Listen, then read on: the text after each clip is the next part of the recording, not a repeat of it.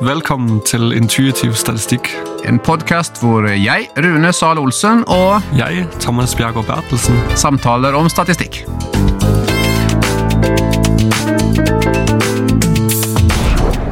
I denne episoden så skal vi snakke om inferens, eller altså å trekke slutninger av, basert på de dataene som vi har. Vi snakket jo i en tidligere episode om det her med om jeg i dag skal ta på meg regntøy eller ikke, eller ta med meg paraply eller ikke. Den eh, baserer jeg meg på om det er eh, ja, om det er vinter eller sommer, om det er eh, ser ut og skulle det regne i dag, eller om Yr-appen eller en annen forteller meg at ja, litt senere i dag så kommer det regn, selv om det er sol nå, eksempel. Da trekker jeg slutning på det. Ut om jeg stoler på den appen, eller om jeg heller stoler på den andre appen som sier at det skal være sol hele dagen. Det er jo en måte å trekke slutninger på. Og i statistiske verden, da, så handler det jo da om å ta en statistisk inferens, altså uttale seg om en populasjon eller et utvalg på et eller annet vis. Ja, og kanskje også tenke i klinisk eh, sammenheng kan man ofte være interessert i om, eh, om en behandling funka? altså Fikk folk det bedre? Ja, altså fra start til slutt. Ja, Hvis de nesten. målte eksempel på SKAS, Eh, eh, og at de målte 60 når de kom inn, måler de fortsatt 60 når de går ut? Eller er de gått ned? ja, og så tror jeg at eh, inferans der er man jo også litt opptatt av ja, er det bare tilfeldig, eller liksom, kan vi stole på det? Så vi har snakket litt rundt det der med tidligere med gjennomsnitt og spredning rundt og litt sånne ting.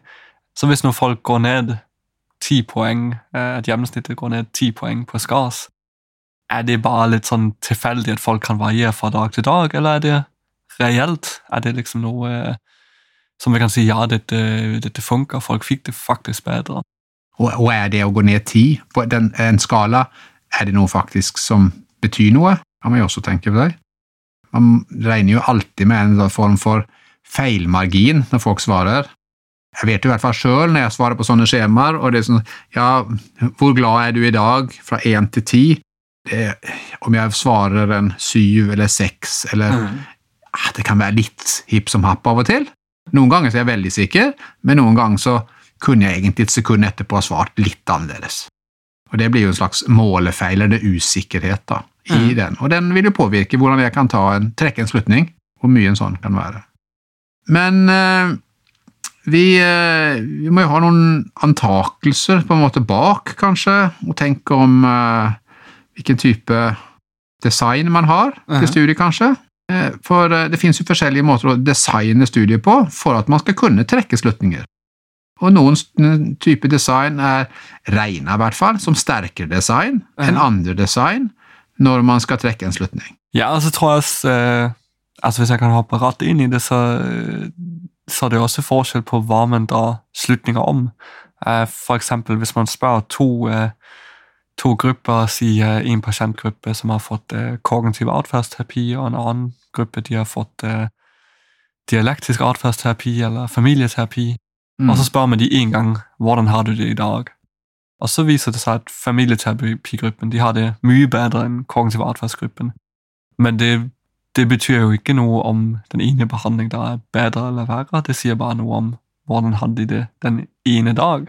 Typ vi bestemte oss at den 23. desember så sender vi ut for- spørreskjema til alle som har vært i ABUP, og så spør vi hvordan de har det, og så sjekker vi at oi sann, jammen med de som har gått i familieterapi, har det bedre enn de som har gått til kognitiv atferdsterapi, eksempel. Ja, og jeg tenker det er jo, ikke, det er jo veldig intuitivt at ja, det er jo et måltidspunkt, så det sier bare noe om den ene dag. At det ser ut til at på et måltidspunkt var familieterapi eh, de var mer glade enn de som fikk kognitiv atferdsterapi.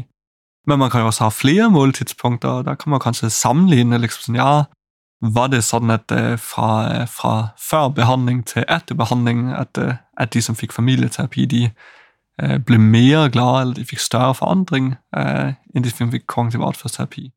Da kan man jo dresse seg inn på, og i hvert fall gjøre seg tanker omkring om det ene er mer effektivt enn det andre. Ja, for det kan jo være at eh, gruppen, skil, gruppen skiller seg ganske mye fra hverandre. Eh, At eksempel de som fikk familieterapi, de var mer glade, om det var det som var målet vårt, når de begynte, eller mer fornøyde med livet, eller hva det var for noe, enn den gruppa som fikk den andre behandlinga. Og så tror jeg at hvis man har et sånn, hvis man har et sånn enkelte pre-post, eh, altså før behandling, etter behandling, to, eh, to forskjellige behandlinger. Der kan man jo selvfølgelig gjøre seg noen tanker omkring hvordan det virker til behandling påvirker, men, men det kan være litt vanskelig å dra tanker rundt sånn årsakssammenhenger, for, for, det kan jo være mange andre ting som spilte inn, eh, som vi ikke nødvendigvis vet noe om.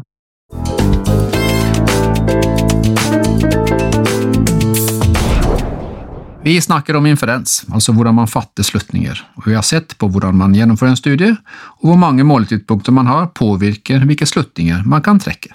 Nå skal vi ta dette et skritt videre og snakke om ulike forskningsdesign som på ulikt vis hjelper oss å trekke slutninger, slik som multiple baseline og kvasieksperimentelle og randomiserte studier.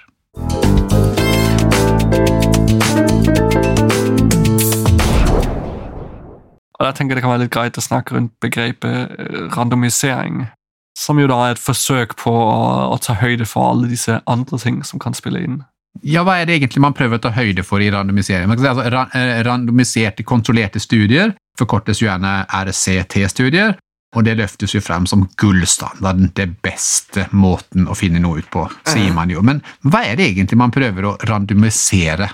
Du forsøker jo å, um, å unngå at eh, bestemte folk havner i bestemte behandlinger.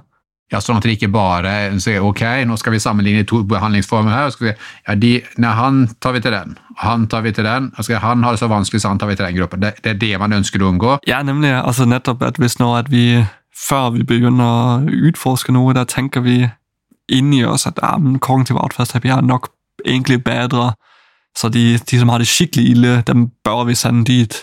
Uh, mens de som har det bare litt ille, dem sender vi til familieterapi der vil det jo på en måte skjevfordele resultatene litt, fordi at ja, kanskje at fordi folk har det verre, så har de mer plass til forandring. Ja, kan, Man kan forvente større endring ja. hvis folk har det virkelig vanskelig, enn de som har det mindre vanskelig. Eller man kan tenke ja, at folk har det så vanskelig at det, det, det er vanskelig å gjøre noe uansett. Så det vil i hvert fall påvirke på en eller annen måte. Ja, så, så det kan egentlig slå ut begge veier. Ja, nemlig. Mm. Så randomisering det betyr jo da at du, du slår mynt om hvilken behandling folk skal få, forsøker du å unngå at det, det egenskaper ved personene påvirker hvilken behandling de får. Eller egenskaper ved de som skal vurdere det. Yeah. Eller, ja. Så da prøver man å fjerne de ved å rett og slett bruke en datamaskin eller en terning eller et eller annet som helt random, tilfeldig, uh -huh. slår ut.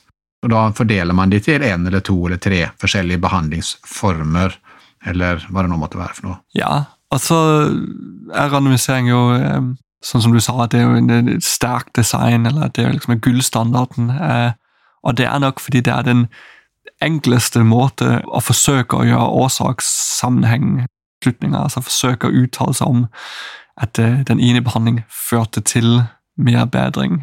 For det er jo gjerne det man ønsker i forskning, ja. det å komme frem til en årsak, at det fører til det.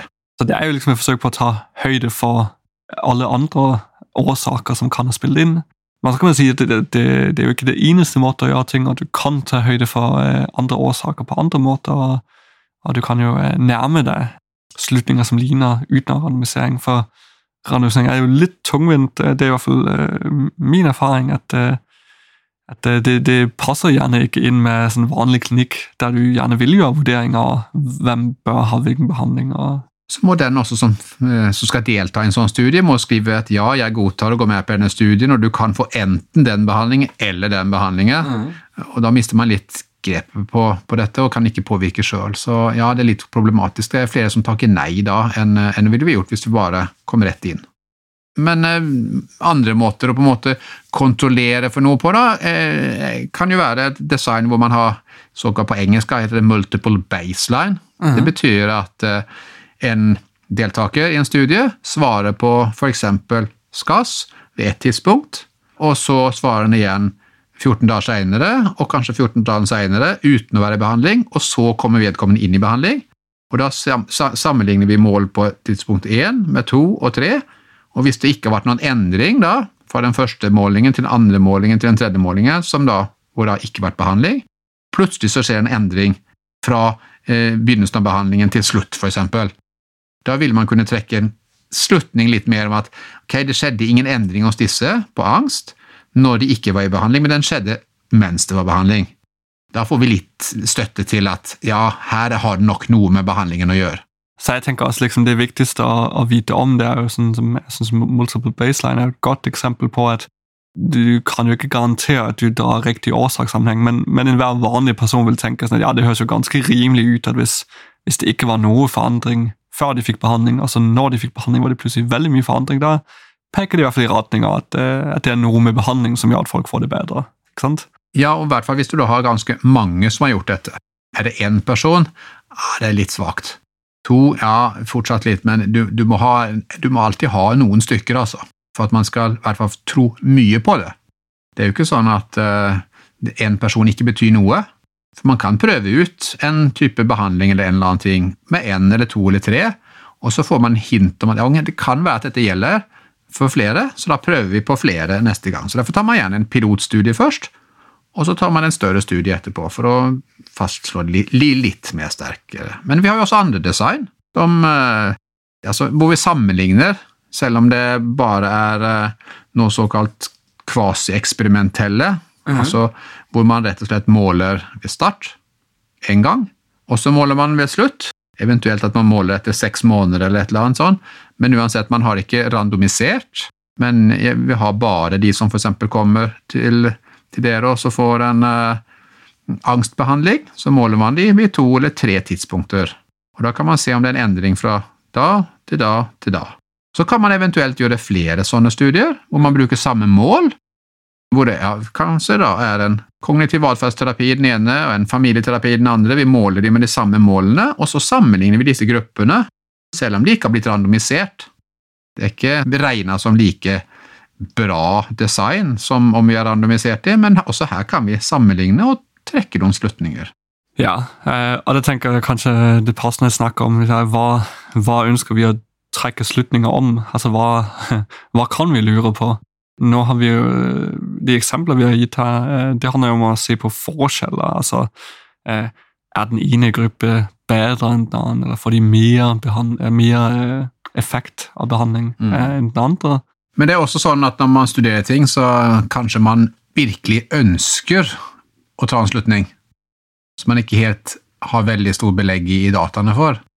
Vi leser mange ganger at det står en konklusjon på en studie, så har de konkludert med at behandling XX virker bedre enn behandling YY, og så viser de til en studie hvor det kanskje har kvasieksperimentelt design, eller kanskje de har en RCT-studie, som egentlig tester noe annet enn akkurat det som er hovedspørsmålet her, eller at de rett og slett ikke har spesielt sterkt grunnlag for å trekke den slutningen. Det er ikke veldig lett å egentlig bestemme at det er den behandlingen som har ført til dette, men svært mange studier konkluderer med det. Og det er jo litt problematisk, for man uh, går videre ut fra konklusjoner. For man leser ikke så nøye på hva er det som er data som ligger bak, og hva er egentlig grunnen Hvilke grunnlag har de for å trekke de slutningene som de trekker? Så det må man tenke på når man jobber med data og skal trekke inferens og jobbe med statistikk. Da er det tid for en eh, liten oppsummering, Thomas. I dag har vi jo snakket rundt statistisk inferens, og spesielt hvordan designe studier, eller hvilke spørsmål man kan stille. Eh, og Der har vi jo nevnt som f.eks. at man kan måle på ett tidspunkt og se om det er forskjell på to grupper, eller om vi kan måle flere grupper på flere tidspunkter. Eh, og så har vi snakket litt rundt randomisering, som da kan være viktig eh, i et forsøk på å trekke årsakssammenhengsslutninger. Og med andre måter man kan designe studier på for å trekke slutninger om forskjeller, eller hva man nå ønsker å finne ut av, effekt eller et eller annet. Både du og meg, Thomas, jobber som forskere ved Avdeling for barn og unges psykiske helse ved Sørlandet sykehus i Kristiansand. Vi vil gjerne si takk til Sørlandet sykehus og vår kollega Semia Mojcik, som sammen med en pasient lager signaturmelodien.